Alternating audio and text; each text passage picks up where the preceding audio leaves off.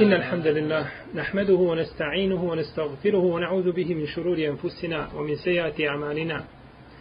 من يهده الله فهو المهتدي ومن يضلل فأولئك هم الخاسرون. وأشهد أن لا إله إلا الله وحده لا شريك له.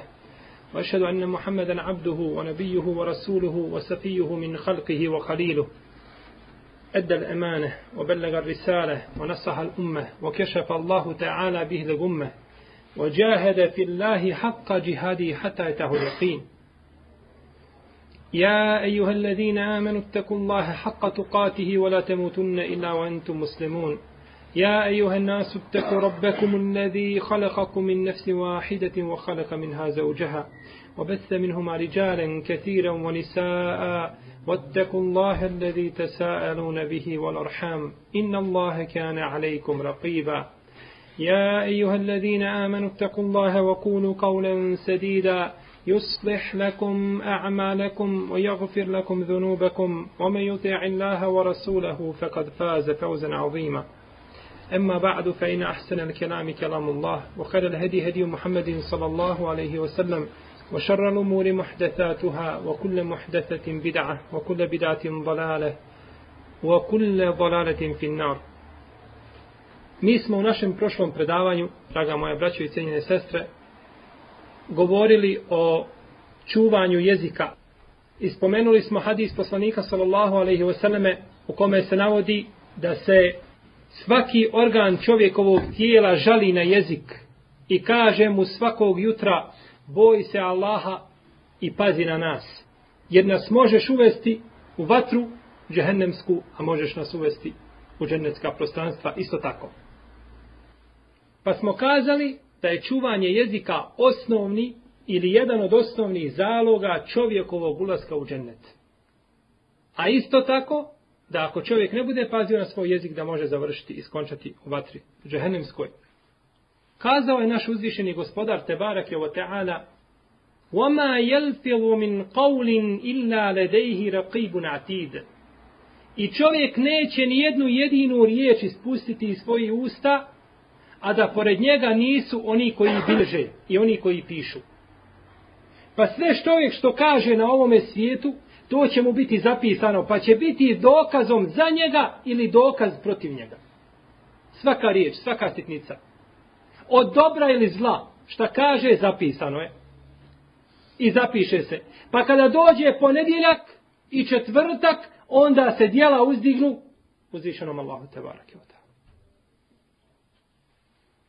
Iako uzvišeni zna prije nego što se desi, šta će biti. No međutim, tada se dijela uzdižu gospodaru te barake otala. I zato je poslanik sallallahu alaihi sallam govorio, volim da postim ponedjeljak i četvrtak. Jer je to dan, jer su to dva dana u kojima se dijela predočavaju Allahu te barake otala, pa volim da budem postač, znači, u tim danima.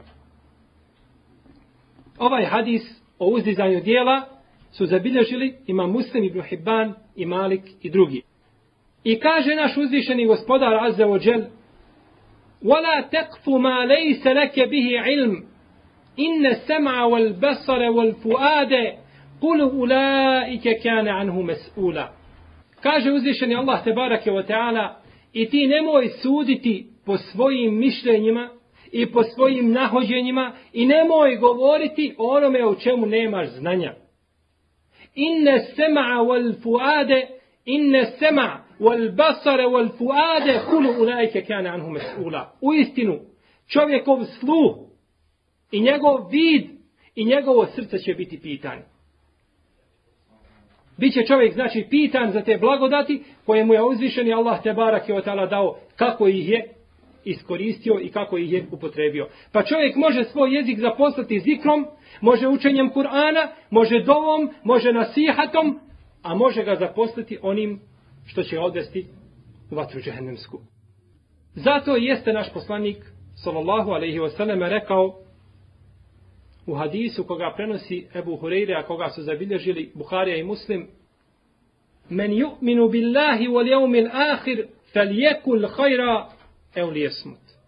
Ko bude vjerovao u Allaha Đelešanu i sudnji dan, neka kaže dobro ili neka šuti. Pa čovjek može kazati dvije stvari. Kazati dobro pa biti nagrađen za to, ili može kazati zlo pa biti kažen za to. Ne može kazati treću stvar. Može biti ili ono što ćemo koristiti ili ono što ćemo štetiti. Možda će neko kazati, pa može kazati treću stvar, a to da kaže nešto od čega nema ni koristi ni štete, nego samo onako da se priča. Kažemo u tome opet šteta. Jer čovjek kada priča i govori govor u kome nema koristi, to je samo po sebi šteta. Priča, govori, troši energiju bez potrebe i nakon toga gubi svoje vrijeme. A dosta se puta u takvim riječima znači da se pogreške. Mi smo također prethodnog puta spominjali ajet iz sure Al-Huđurat u kome je uzvišeni Allah te barake teala kaže Ja ejuhel ladina amanu čtenibu kathiran min al-zanni inne ba'da al-zanni ism. Wala teđesesu, wala jagtab ba'dukum ba'da. E yuhibbu ahadukum an ya'kula lahma akhihi maytan fakarihtumu. Wattaqu Allah inna Allaha tawwabun rahim. Kaže uzvišeni Allah te barake wa ta'ala o vjernici. Klonite se mnogih sumnjičenja. U istinu su neka sumnjičenja grije. I nemojte jedni druge uhoditi i nemojte jedni druge ogovarati. Zar bi neko od vas volio da jede meso svoga mrtvog brata? To vi mrzite. I to vam je mrsko. Bojite se Allaha. U istinu Allah mnogo prašta i on je taj koji je milosti. Ne bi bilo nimalo mudro da pređemo preko ovoga ajeta ili da prođemo pored njega bolje kazati, a da ne vidimo kakve to koristi i pouke se kriju u ome ajetu. Uzvišeni Allah te barak je otala u ome ajetu zabranjuje tri stvari. Zabranjuje mnoga sumnjičenja. I čtenibu kethirom mina van. Mnoga sumnjičenja. Van u arapskom jeziku može biti mišljenje, može biti pretpostavka, može se smatrati držanjem nečega za nešto i u tome smislu. Znači ima više značenja. Pa ovdje se kaže neka su sumnjičenja grije, nisu sva. Ili neka su mišljenja i pomisli grije. Šta znači to? Zbog čega nisu sve pomisli grije? Poslanik sallallahu alejhi ve selleme kaže La yamutanna ahadukum illa wa huwa yuhsinu dhannahu billah.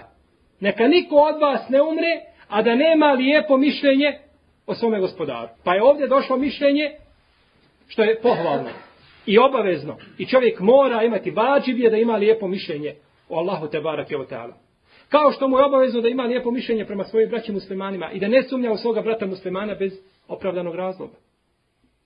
To su lijepa mišljenja. Zato jeste Allah te barek i ta'ala rekao neka mišljenja, neke sumnje su šta? Grije. Ona te su. I nemojte jedni druge uhoditi. Ovo je druga zabrana. Nemojte jedni druge uhoditi. Pa je uhođenje zabranjeno i haram po konsensusu islamskih učenjaka. Bilježi imam Ebu Davud i Hakimi El Bejhefi u Šobol imanu sa lancem prenosilaca koji ispunjava Buharine muslimove kriterije da je jedan čovjek došao kod Ibnu Mesauda radijallahu ta'ala anhu i rekao mu taj i taj čovjek niz njegovo lice i niz njegovu bradu curi vino. Hoće kazati, toliko pije vina, da ne može sve popiti, već da mu se preleva mimo usta. Kronični alkoholičar. Zar ga nećeš kazniti? Pa je kazao, Abdullah ibn Mes'ud, radijallahu ta'alanu, zabranio nam je Allah te barak je otala da uhodimo nekoga.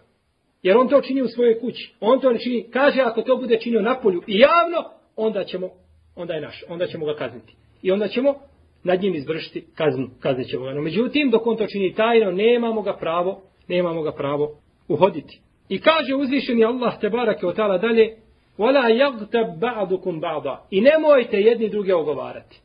Pogledajte prvo šta je došlo u ome ajetu. Klonite se mnogi sumnjičenja. Nemojte sumnjičati. Nemojte, znači, sumnjati u vašeg brata muslimana. Jer ako budeš sumnjao u svoga brata muslimana, onda ćeš morati neminovno činiti drugu stvar. A to je šta? Uhođenje. Sumnjaćeš da čini tako i tako. I onda ćeš ići, kaže da se uvjerim da je tako. Pa ćeš ga uhoditi.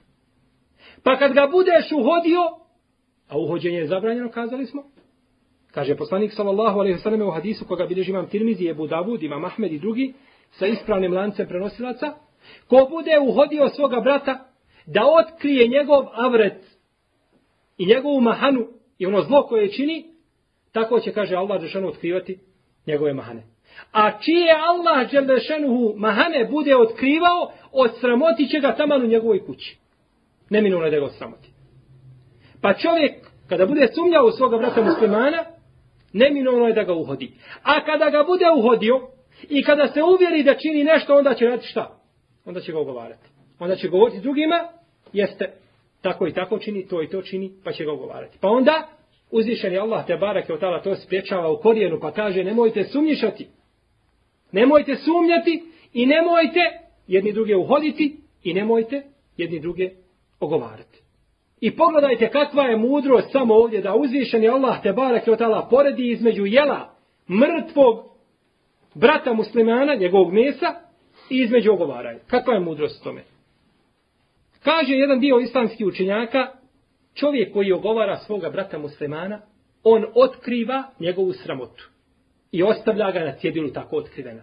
A isto čovjek koji jede mrtvo meso svoga brata muslimana, otkriva njegove kosti. I ostavlja ga nako? Nagrižena.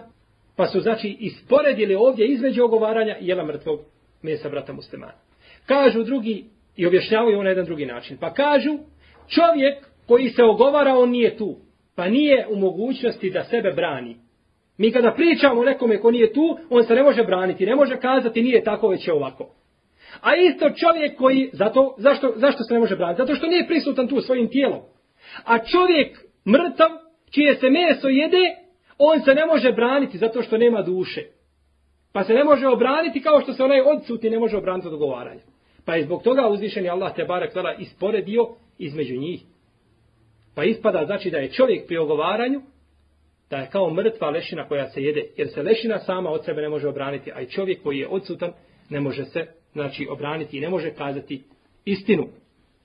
U jednom hadisu, koga bideži imam muslim u svome sahihu, poslanik sallallahu alaihi sallam nam je isto tako pojasnio ovaj put uhođenja koji vodi ka raskidanju veza između muslimana.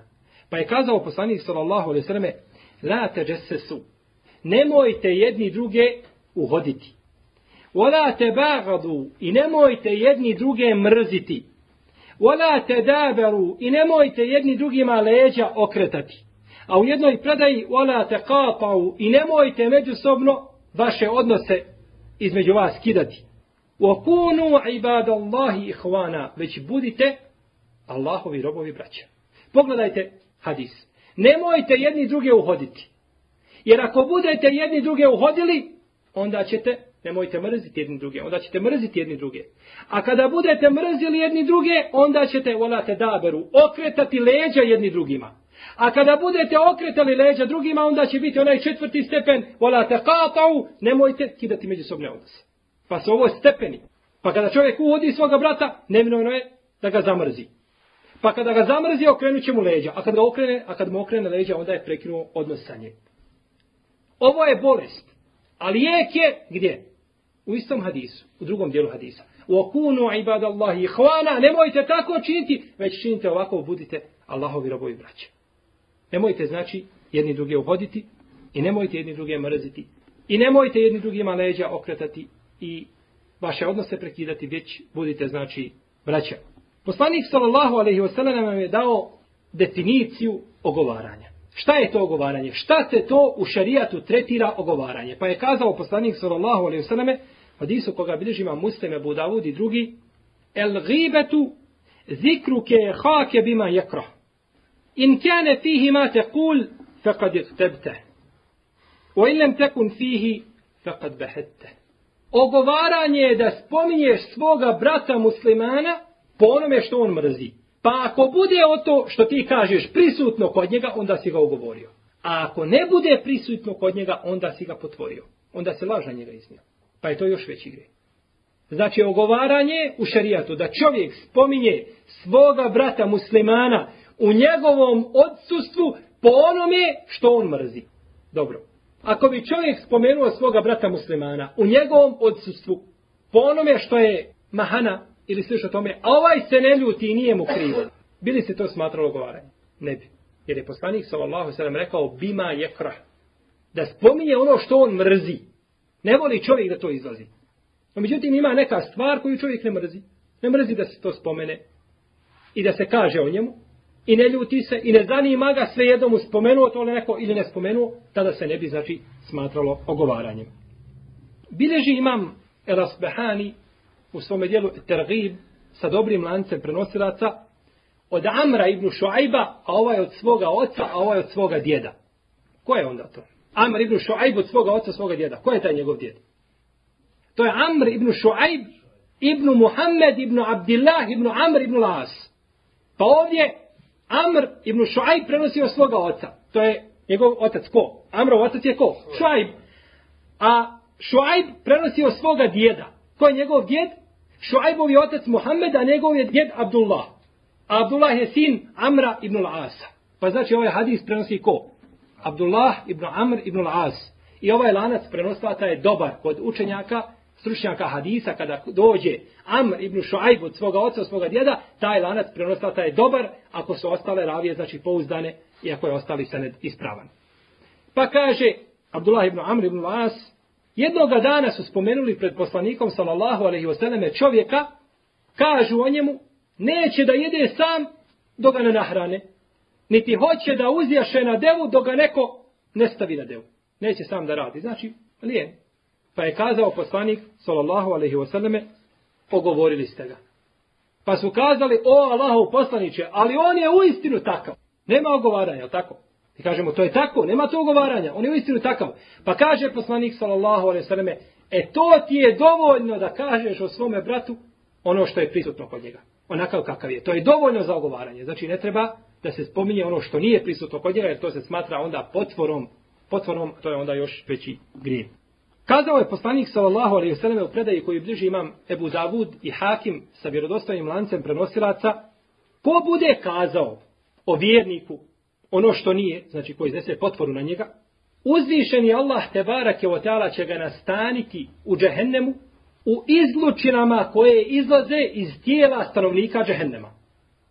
Boravit će u tim izlučinama i u tome smradu dok ne iziđe iz njega to što je kazao. Znači dok se ne riješi toga što je kazao. A Allah, dragi, zna najbolje kada će to izaći i kada će se toga riješiti. I zato jeste poslanik sallallahu alejhi ve selleme rekao u hadisu koga bilježi ima Mahmed sa dobrim lancem prenosilaca, pet stvari za njih nema iskupine. Za pet stvari se čovjek ne može iskupiti. Gotovo počinio si čekao da Allah Žešanu kaznu. Prva stvar jeste širku Allaha te barake o teala. Druga stvar da čovjek ubije osobu, dušu čovjeka bespravedno. Nema nikakvog razloga pa ga ubije. Ili nema dovoljnog razloga za ubijstvo. I onaj ko potvori vjernika. Ko potvori vjernika. Nema iskupine.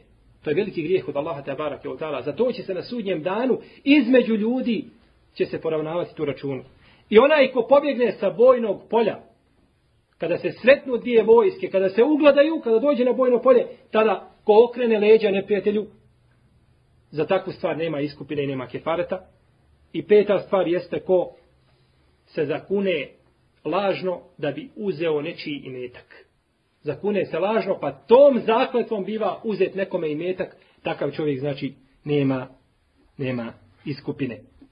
Pogledajmo ovdje kako poslanik sallallahu alejhi ve selleme govori i upozorava, braćo moja, cijenje sestre, na opasnost ogovaranja. I da čovjek uposli svoj jezik sa ogovaranjem. I šta se sve smatra ogovaranjem? Mnoge stvari za koje mi smatramo da nisu ogovaranje, one u šarijetu u istinu predstavljaju ogovaranje. Pa čovjek kaže, priča, pa kaže, neću da bude ogovaranje. Ili nije ogovaranje. Odmah na početku šta opravda sebe. On je sam sebe opravdao, to nije opravdanje kod Allaha te barek. To je ogovaranje.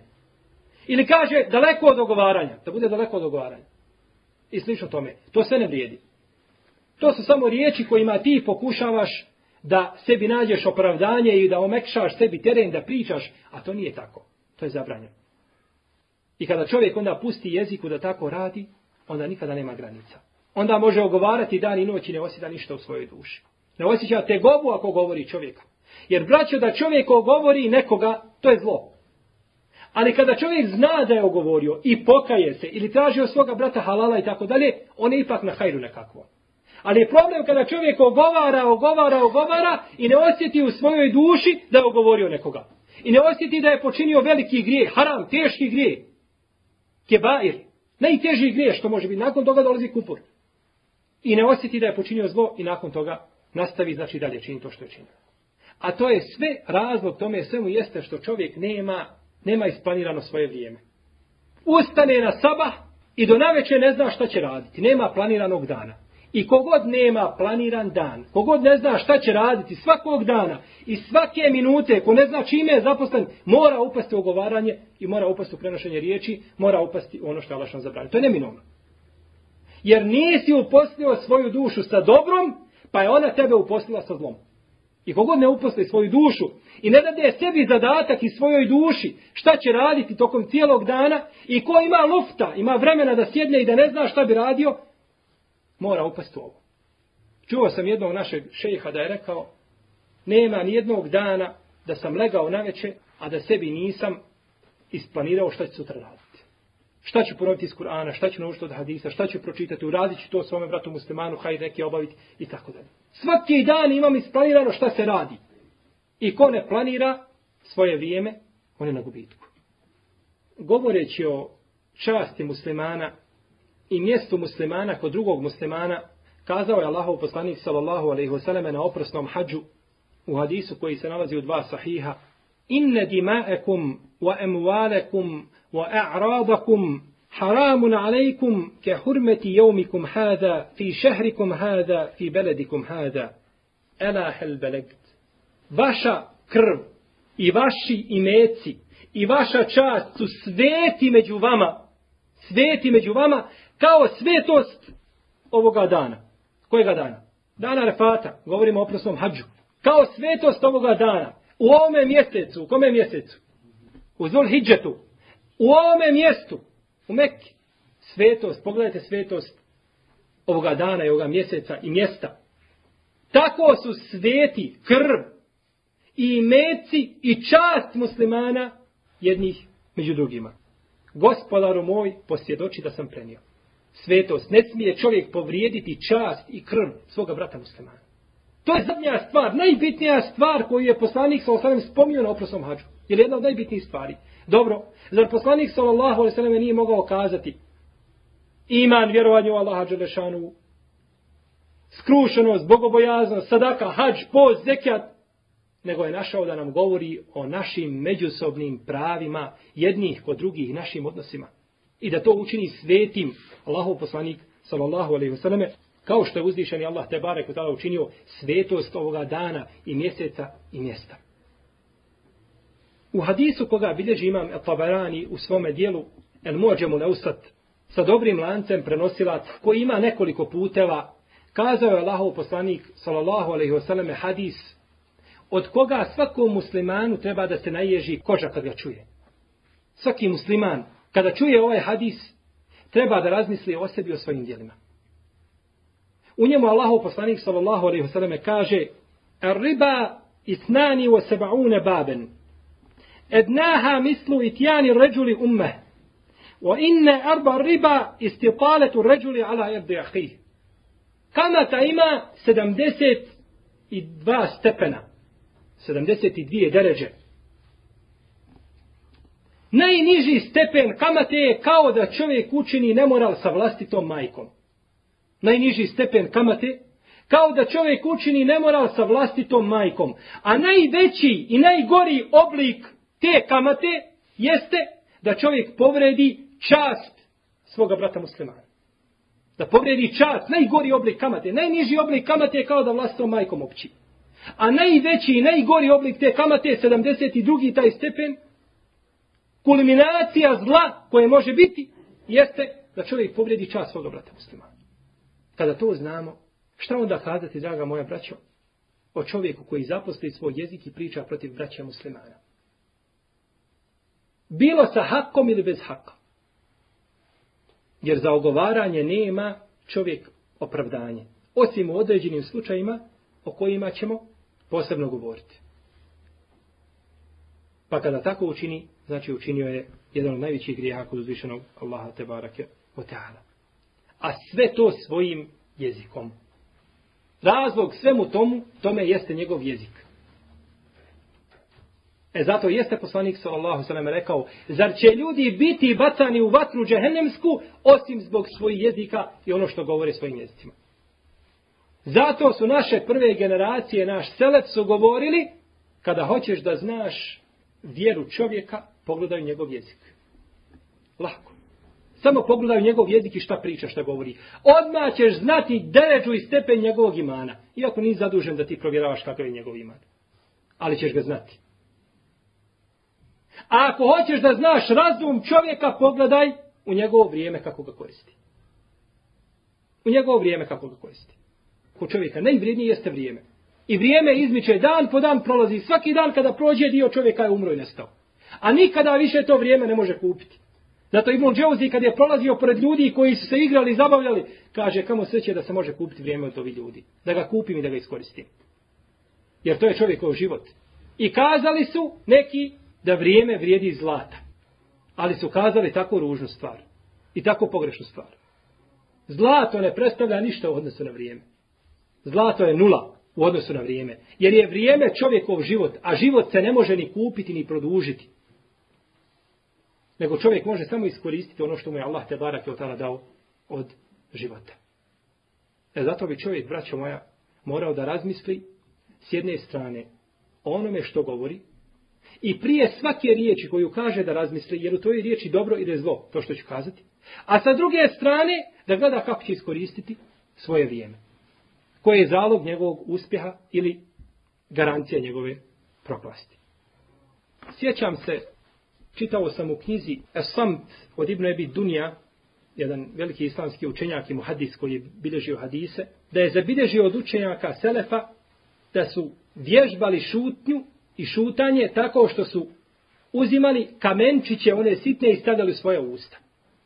Po cijeli dan bi imao puna usta kamenčića, da ne priča. Jer čovjek, dok ne kaže riječ, neće biti pitan za nju. Ono što je u srcu i ono što šeitan prišaptava u srcu, ako to ne uradi, inša Allah htjela da neće biti pitan za to. Ali kada kaže riječ, više ne može kazati šeitan me nagovorio. Jer si ti tada svojim izborom, svojim izborom si kazao riječ. Pa su oni, znači, vježbali šutnju i vježbali, vježbali su, znači, čuvanje svoga jezika. Ogovaranje ljudi može se manifestirati na nekoliko načina. Nije samo jezikom, nije samo da spomeneš taj i taj brat je takav i takav. Taj taj čovjek je uradio to i to, taj taj kazao je to, on je takav i takav. Ne. Može biti na druge načine. Pogledajte samo hadis koga je zabilježio Ebu Davud, imam Tirmizi, El Bejheqi i drugi za koga imam Tirmizi kaže da je vjerodostojan. U kome Aisha radijallahu ta'ala anha kaže rekla sam jednoga dana poslaniku sallallahu alaihi wasallame hasbuke min safije enneha keda o keda. Rekla sam, kaže poslaniku sallallahu alaihi wasallame dovoljno ti je to od Safije što je ona Safije bintu Hojeji dovoljno je što ona takva i takva. Kažu neke ravije da je pokazala rukom da je malehna. Da nije visoka. Pa je rekao poslanik sallallahu alejhi ve selleme: "Laqad qulti kalimatan law muzijat bima'il bahr mezeđethu. Kaže ti si rekla riječ koja kada bi se pomiješala sa morskim vodama ili sa morem da bi uprljala to more. Ona nije ništa rekla. Arapi u arapskom jeziku kažu wa qala bi yadihi. Pa je rekao rukom vako. Mi kažemo pokazao je rukom, Arapi kažu rekao je rukom. Jer rukom se može nešto kazati. Kada tebi neko nešto kaže, pa ti odmahneš rukom. To je gore nego da si kazao jezikom. Pa zato se kaže ovdje, kazala rukom tako i tako da je ona mala. Pa kaže poslanik sallallahu sallam, ti si kazala riječi koje bi zaprljale morsku vodu. Znači ne moraš je kazati, jer već možeš pokazati, možeš znači svojim pokretom, možeš ukazati, možeš ukazati i možeš ogovoriti znači svoga brata muslimana. Allahu poslanik sallallahu alejhi ve selleme je rekao u hadisu koga bilježi imam Tirmizi koji je vjerodostojan ponekad će čovjek kazati jednu riječ i će jednu riječ iz svojih usta zbog koje će biti bačen 70 godina u vatru džehennemsku. Ne misli se 70 godina da će boraviti u vatri, nego da će padati 70 godina u vatru. Znači on će padati 70 godina u dubine džehennemske, a koliko će ostati dole Allah zna. Da se ne bi shvatilo, to je, ovo nije kazna. Pad, ovo je put do kazne, a dole je tek onda kazna prava. A znate šta je 70 godina? To je naj, dublji dio džehennema. Što nam je pojašnjeno u hadisu, u kome se spominje da je poslanik sallallahu alejhi ve selleme jednog dana sjedio sa ashabima, pa su čuli jedan jak udar. Pa su kazali šta je to Allahov poslanice? Kaže, on je pitao, jer znate šta je ovo, šta je ovaj udar? Kažu, ne znamo Allahov poslanice, Allah i njegov poslanik znaju. Pa je kazao, poslanik sallallahu alejhi ve selleme, to je kamen koji je bačen sa ruba džehennema prije 70 godina. I tek je sad stigao na njegovo dno. 70 godina pada. Svako tijelo koje se baci iz neke visine ne može postići brzinu veću od koliko? 260 do 270 km na sat. Možete računati, kada bi se to pomnožili sa 70 godina, kolika je dubina džehennemska. A to je po džehennemskim računjanjima i kakve su džehennemske godine, Allah zna najbolje. E, taj je kamen došao na kraj džehennema za 70 godina. A ovdje se kaže, bit će bačen čovjek zbog jedne riječi koju izusti 70 godina u vatru džehennemsku dubinu. A u hadisu koga bileže Buharija i Muslim, kaže se da će biti bačen u vatru džehennemsku dalje nego što je između istoka i zapada. Zbog jedne riječi koju izusti. Dobro. Pa šta mislite onda, draga moja braća, o ljudima koji i dan i noć svoje vrijeme posvetio sve i slobodno i vrijeme u kome je zauzet posvetio ga da ogovara muslimane, da sije nered, da prenosi riječi i tako dalje. Kakva njega kažna očekuje? Kaže Abdullah ibn Mas'ud radijallahu ta'ala anhu u predaji koji bližava me Tabarani sa vjerodostanim lancem prenosilaca, kako kaže šeheh Albani u Gajetul Maram, bili smo jednog dana kod poslanika sallallahu alaihi wasallame, pa je ustao jedan čovjek iz te halke, iz tog društva i otišao. Pa je jedan drugi kazao o njemu nešto ružno. Pa mu je kazao poslanik sallallahu alaihi wasallame, izheb wa tahallal. Idi kaže i iščačkaj svoje zube. Pa mu je kazao ovaj čovjek, o mimme, ma je tjeltu lahma. A zbog čega o Allahov poslaniče? Pa ja nisam jeo meso, zbog čega da čačkam zube? Pa mu je kazao poslanik sallallahu alaihi wasallam, inneke ekelte lahme ahik. Ti si jeo, kaže, meso svoga brata. Ti si sada pojeo svoga brata i meso njegovo, idi, kaže, i iščačkaj, i iščačkaj svoje zube. Zato jeste, braćo moja uzvišenja Allah, te barak je govoreći vjernicima i upozoravajući ih da ne budu od onih koji su nemarni i koji rade ono što je Allah te barake je otala zabranio, kaže, Ela yavunnu ulaike annahum meb'uthun li yawmin azim yawma yakumu an-nasu li rabbil alamin. Zar oni ne misle, zar ne smatraju, zar ne znaju i zar nisu ubijeđeni da će biti proživljeni i da će doći pred Allaha Đelešanu na dan kada sva stvorenja budu stojala pred svojim gospodarom i da će biti pitani za sve veliko i malo. U hadisu prenosi ga ashab Džabir, a koga je zabilježio ima Mahmed i imam El Buhari u svome dijelu El Edebul Mufred sa dobrim lancem prenosilaca, stoji da je Džabir rekao Sjedili smo jednog dana sa poslanikom sallallahu alejhi ve selleme, pa je zaduvao vjetar koji je imao jako neprijatan miris, kao da je odnekle smrad nekakav nanosio. Pa je poslanik sallallahu alejhi ve selleme upitao ashabe: "Znate li šta je ovaj vjetar?" Znate li šta je ovo? Ovako smrdljivo. Pa su kazali: "Ne znamo Allahu poslanice." Allah najbolje zna i njegov poslanik sallallahu alejhi ve selleme. Pa je kazao: "To je kaže vjetar onih koji ogovaraju ljude." Ovo je muđiza poslaniku sallallahu alejhi ve selleme da mu Allah te bareke ve taala i njemu i ashabima pokaže kako izgleda smrad ljudi koji ogovaraju ljude. Zato jeste naš Selef govorio, kažu da su grijesi, vjetar ili da grijesi imaju miris, niko ne bi sa nama mogao sjediti. Naš Selef naše prve generacije koji su, koji su bili najbrižniji u čuvanju svoga jezika su govorili da i grijesi imaju miris i da se može osjetiti, grijeh nikada niko sa nama ne bi sjedio. Ovo je njima pogrda na Dunjaluku, da smrde. A na ahiretu im je pogrda i kazna, hadis u kome poslanik sallallahu alaihi wasallam kaže, usnio je jeli, da je prolazio pored ljudi koji su imali nokte od bakra, kojima su kidali svoja lica i svoje grudi, svoja prsa. Pa je upitao poslanik sallallahu alaihi selleme ko su ovi, pa mu je rečeno to su oni koji jedu ljudska mesa. To jeste, to su oni koji ogovaraju ljude. To im je kazna na ahiretu, braćo. A u predaji, ovu predaju bilježi imam Ebu Davud i imam Ahmed sa vjerodostavim lancem prenoslaca. A kod Ibnu Ebi Hatima stoji dodatak da se je kidalo meso sa njegovog tijela i stavljalo njemu u usta da jede. Sa njegovog se tijela kida meso i njemu stavlja da jede kao kazna za ono što je činio. Jer nagrada, odnosno kazna, biva shodno učinjenom dijelu.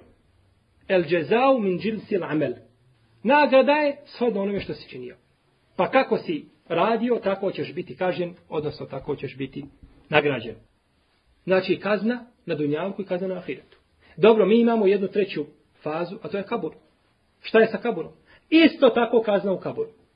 Jer u hadisu koga bilježi imam Tabarani, stoji da je poslanik sallallahu alejhi ve selleme prošao, koji je dobar, ma dobar lanac prenosilaca, da je prošao pored kabura i kazao je, pored dva kabura i kazao je, ova dvojica se kažnjavaju.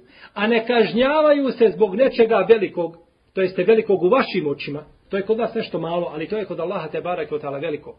Kaže, jedan se nije čistio od mokraće, a drugi je ogovarao ljude. A drugi je ogovarao ljude. U poznatoj predaji koju bilježe Buhari i Muslim stoji da je jedan da se nije čistio od mokraće, a drugi da je prenosio riječ. To je poznata predaja kod Buhari i kod muslima. Ali u verziji koju bilježi imame Tabarani u Eleusatu stoji da je jedan ogovarao ljude, a da se drugi nije jeli čistio od mokraće.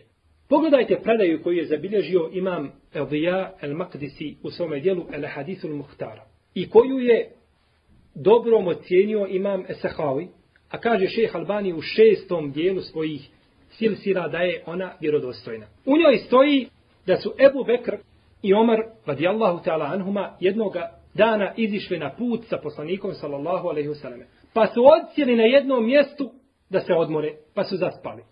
Kada su se probudili, zatekli su i vidjeli su da njihov sluga i dalje spava, taj dječak koji je služio da i dalje spava. Pa su kazali, ovaj spava kao da je kod kuće, kao da nije na putu. Uspavao se, kao da je kod kuće u svojoj postelji. Pa su ga probudili i kazali, idi kod poslanika, sallallahu alaihi wasallame, i donesi nam hranu. Pa je otišao, pa je kazao poslanik, sallallahu alaihi wasallame, idi ti kaže i reci njima dvojici da su oni već jeli. Pa se je vratio sluga i kazao Ebu Bekru i poslaniku, sallallahu sallame, kaže poslanik Ebu Bekru i Omaru, kaže poslanik, sallallahu sallame, ome dječaku, reci Ebu Bekru i Omeru da su oni već jeli.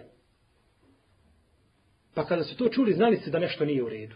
Pa su otišli kod poslanika sallallahu alejhi ve selleme, pa je rekao: "Tako mi Allaha kaže ja vidim među vašim zubima njegovo meso." Dobro, šta su rekli Abu Bekr Omer? Spava kao da je kod kuće. Ne možeš ti na putu spavati 8 sati ili 10. Spava kao da je kod kuće, ništa više od toga.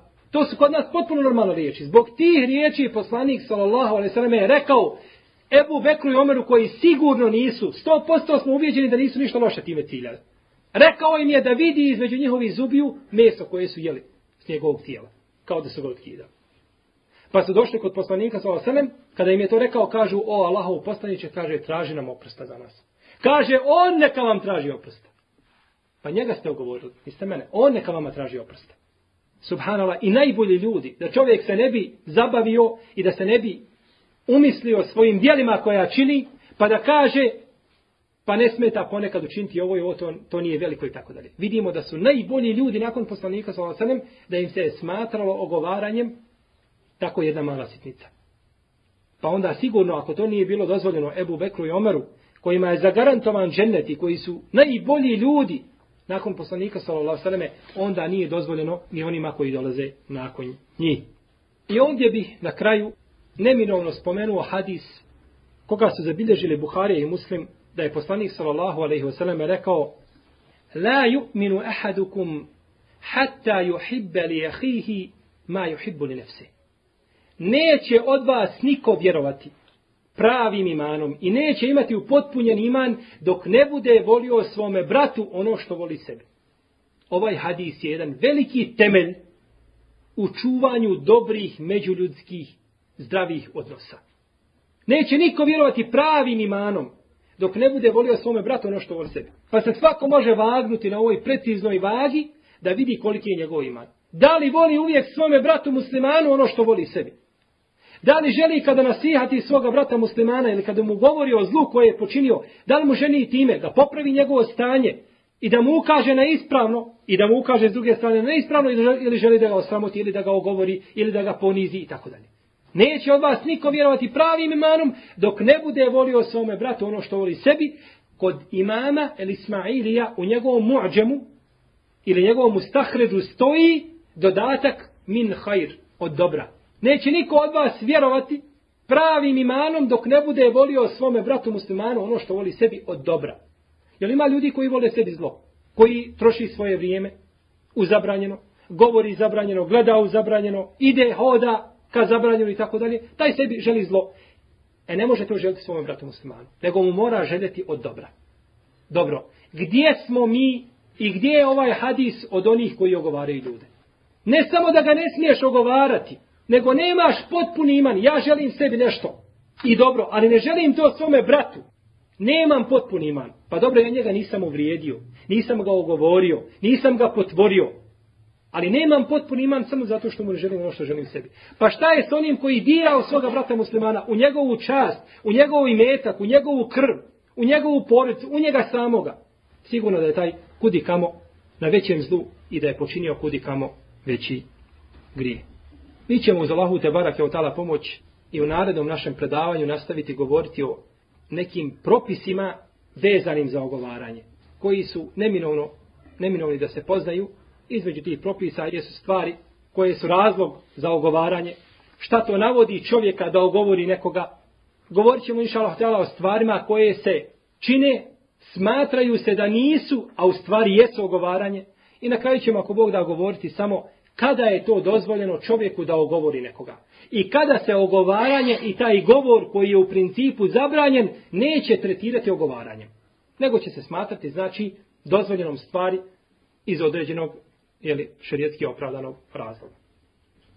Molim uzvišenog Allaha te barake tala da nas uputi na pravi put, da sačuva naše jezike, da zaposle naše jezike, naša srca sa zikrom Allaha te barake o teala, da popravi stanja muslimana od istoka do zapada, da popravi njihova djela i da im najboljim od njihovih djela učini zadnja. Osallim Allahume ala nebina Muhammedu ala alihi wa sabi ajma'in. Čezakum Allah khairu džeza. Ovdje pitanje stara.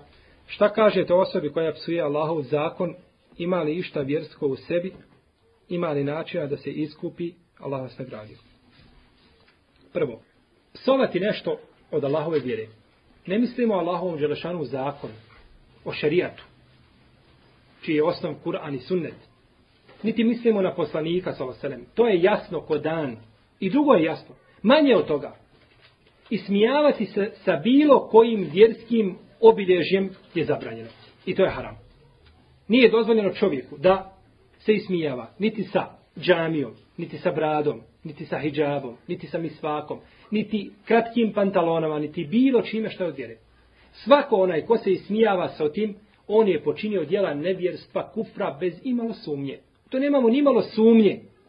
Ni tjehno sunnet sumnja da onaj ko se ismijava sa vjerom može biti musliman. Nema razilaženja tu nikakvog. Jedino ako bi se čovjek ismijavao sa stvari koju ne smatra od vjere. Na primjer, čovjek ušao u islam i nikada nije čuo za neki propis. Pa se onda ismijava sa tim. I smatra 100% da je to pogrešno, ubjeđen To se ne smatra nevjerstvom. Ali čovjek zna da je nešto od dina i od vjere i time se ismijava, to je stvar koja ga izvodi iz islama. A šta mislite onda onome ko psuje Allahov zakon, ko psuje poslanika, ko psuje Allaha, te barek tela, Kur'an, sunnet i tako dalje. To stvari sigurno koje izvode čovjeka iz vjere. I niko nema opravdanja za to. I zato osoba koja ovo čini, učinila je najgoru stvar koju može učiniti u svom životu.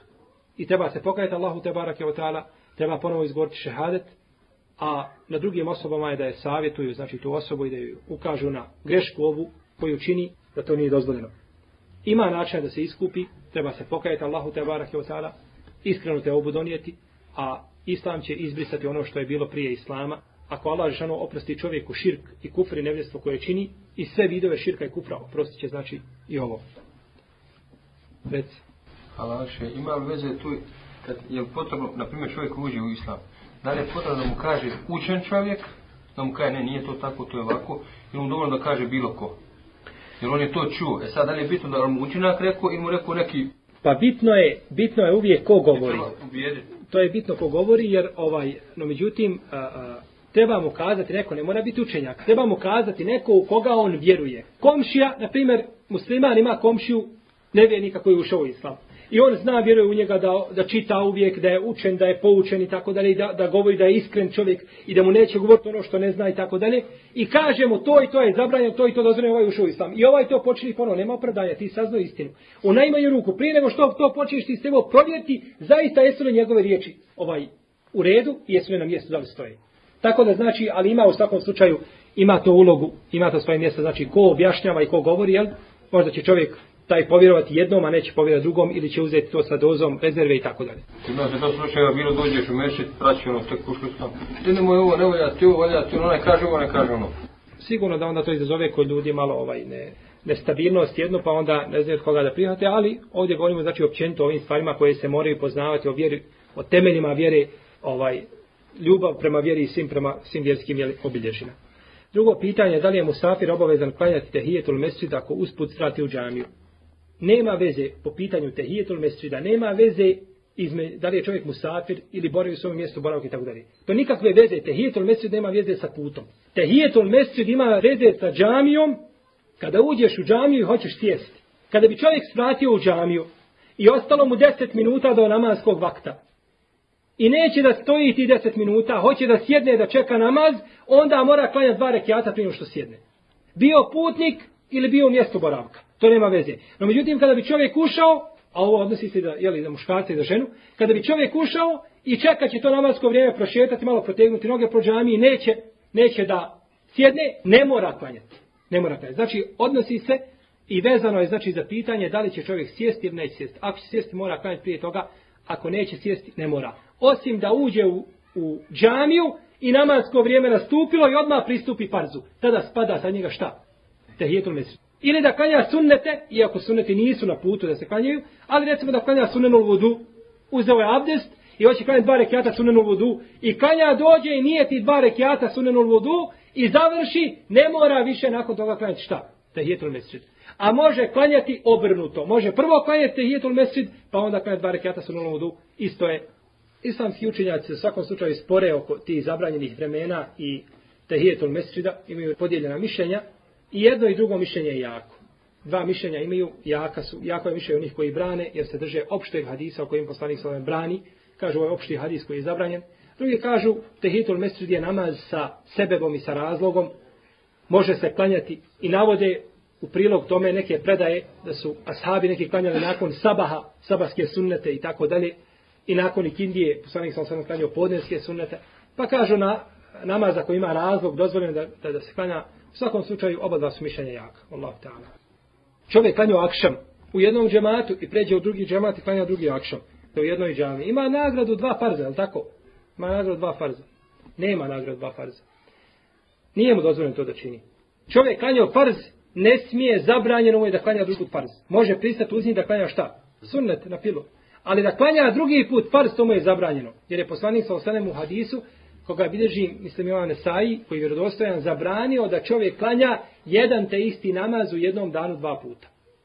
Kao što je zabranio da se klanja i koji namaz dva puta u jednom danu. To se odnosi na farzove. Vitr. Kazao je poslanik sa osanem, lao i trane filejl. Nema dvaju vitara u jednoj noći. Kao na primjer, da čovjek klanja jaciju i onda klanja vitr. I ustane da klanja šta? Noći namaz, pa kaže opet da ja završim sa vitrama, jer je poslanik sa osam rekao da zadnji namaz bude vitr. To je zabranjeno. Nemaju dva vitra. Ako ga čovjek klanja jedan put, neće ga klanjati drugi put, to je znači zabranjeno.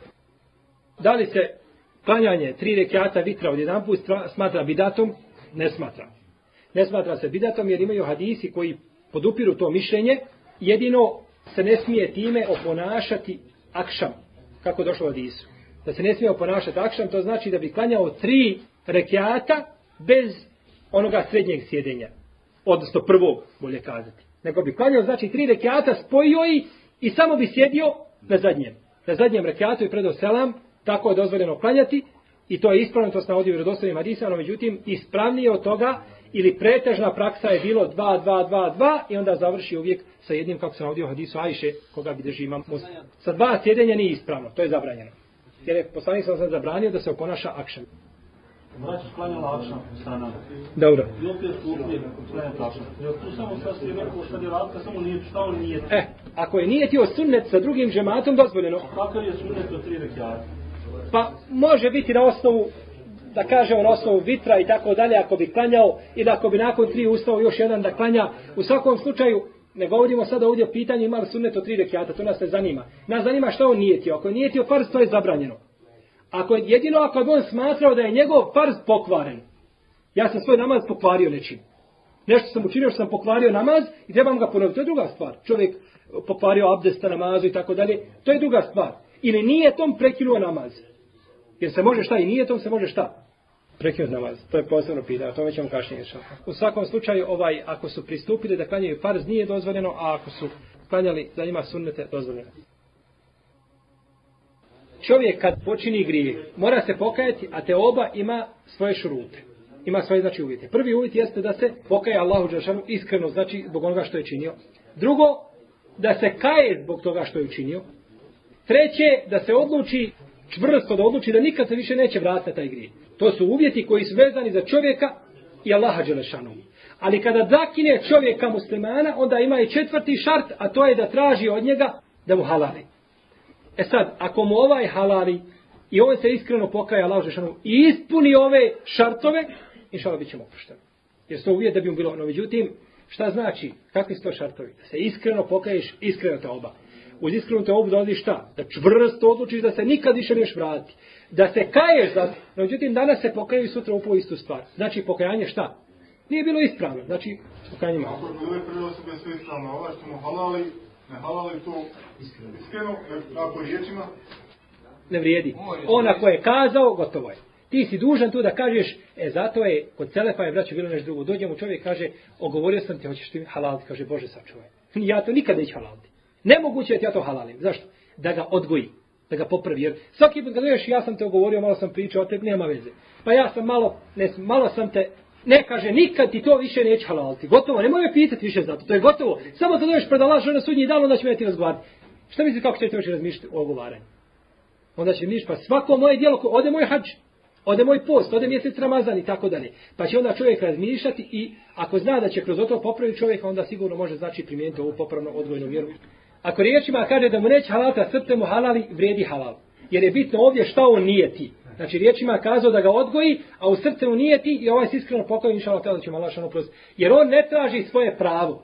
Zato je, zato je i brat braćo šta je u srcu, a nije šta je na jeziku. Čovjek priča i kaže riječi kupra, onaj što smo zadnji put navodili, onaj što je rekao, gospodaru moj, ti si moj roba, ja sam tvoj gospodar. Jer on to mislio srcem? Da je mislio srcem bio nevjernik. Ali on je to rekao jezikom. Pa će čovjek biti pitan zato što čovjek kad došao u namaz i nije ti podne. I rekao, ne vejtu, enu lillahi ta'ala, salat al-asr, je tako? To svakako nije ispravno da se nijeti riječima, ali nije ima rekao, rekao riječima salat al-asr. A u srcu zanijetio šta? Podne. Ono što je rekao riječima, nikak, to se samo prekriži i smakne se, kao da ništa nije kazao. A kad bi bilo obratno, kad bi srcem nijetio i kindiju, a izgovara riječima, podne ne vrijedi bilo bi pogrešno. Zato uvijek je ibret šta je u srcu. A zato na našim jezikom čovjek može pogriješiti, zato znači u ovom slučaju bit ćemo ako Boga inša Allah tala oprošteni. Ako sam, na primjer, ja ovaj, poštićen, na primjer, trebam s neki postupku, na primjer, svoga brata, pa sad ja, na primjer, kažem, ovaj, pitam je nešto šta je bilo i onda se ja, šta ja znam, izredim se nekako i žalim se do mojeg brata i kažem šta se je desilo. Da to, to može smatrati ovaj izgovaranje. Gledati šta se rekao gleda se kakav je, moram ćeš čuti čovjek šta je izjedo, dijete mi bolesno u bolnici, završilo, normalna stvar, šta je? Teška materijalna situacija, auto se pokvarilo i tako, no međutim, šta je problem sa nekim bratom? Šta je problem? I onda, pa jeste, u svakom su čovjek gleda kome kaže, ta osoba koju pričaš, je to osoba koja će dalje prenositi i koja će to dalje širiti, ili je to osoba koja će nastaviti drugu osobu i tebe kazati, tako dalje, svakako, znači čovjek gleda kome govori nešto. To je kad čovjek, kad musliman gibeti muslimana, a ne muslimana ako gibeti. Došao je čovjek kod Sufjana Seurija i kazao njemu El Hadžađ ibn Jusuf Esekafi je takav i takav i to njemu priča. Pa mu kaže ovaj Sufjan Seuri, kaže El Hadžađ ibn Jusuf Esekafi je umro. Nepravednik bio, ubio, preko stotinu ljudi ubio. On ljudima drži hutbu na mimberi i siđe onda i ubija sabljom Nepravednik bio. Razapeo Abdullaha ibn Zubeira u Mekiju. Kaže Ibn Ebi Asim u svome dijelu, El Ahadu al Mesani da je bio razapet oko šest dana, i ovo spominje Ibn Hađaru u Fethul Bariju, da je oko šest dana bio razapet u Mekki, da ga niko nije smio dotići. Razap, ubio ga. Ibn Omer ga savjetovao, Ibn Hađađa, nemoj. Pa nije htio ga poslušati. Pa mu kaže Sufjan Seuri, Kaže, šta ti imaš sa hađađom? Kaže, on je čovjek bio i umro. Kaže, kad dođeš na sudnji dan, hađađ će uzeti, kaže, od tebe te grijehe. Kaže, te stvari koje si sad što ga zakidao i što se pričao o njemu, kaže on će to naplatiti se. Nije dozvoljeno čovjeku da govara ni vjernika ni nevjernika s tim što je ogovarati vjernika kudi kamo gore i grđe. Znači ovo je ogovaranje. No, međutim, ako se radi da mi otkrijemo njehove spletke koje prave, to je potpuno druga stvar. No, međutim, ogovaranje čisto. Isto tako i smijavati, i. Ako mi govorimo, otkrivamo njihove mahane da ukažemo, da znamo kako su oni pokvaren narod. Da oni podržavaju svi homoseksualizam. Pa kažemo taj ta institucija, taj taj njihov poslanik ili taj taj dozvoljava to, podržava to. To nije ogovaranje. To je da ukažemo na njihovu zlo i koje on šire među ljudima. Na uđe da čovjek govori stvar od koje nema nikakve koristi. Nikome ne koristi ta stvar, onda to se smatra ogovaranje.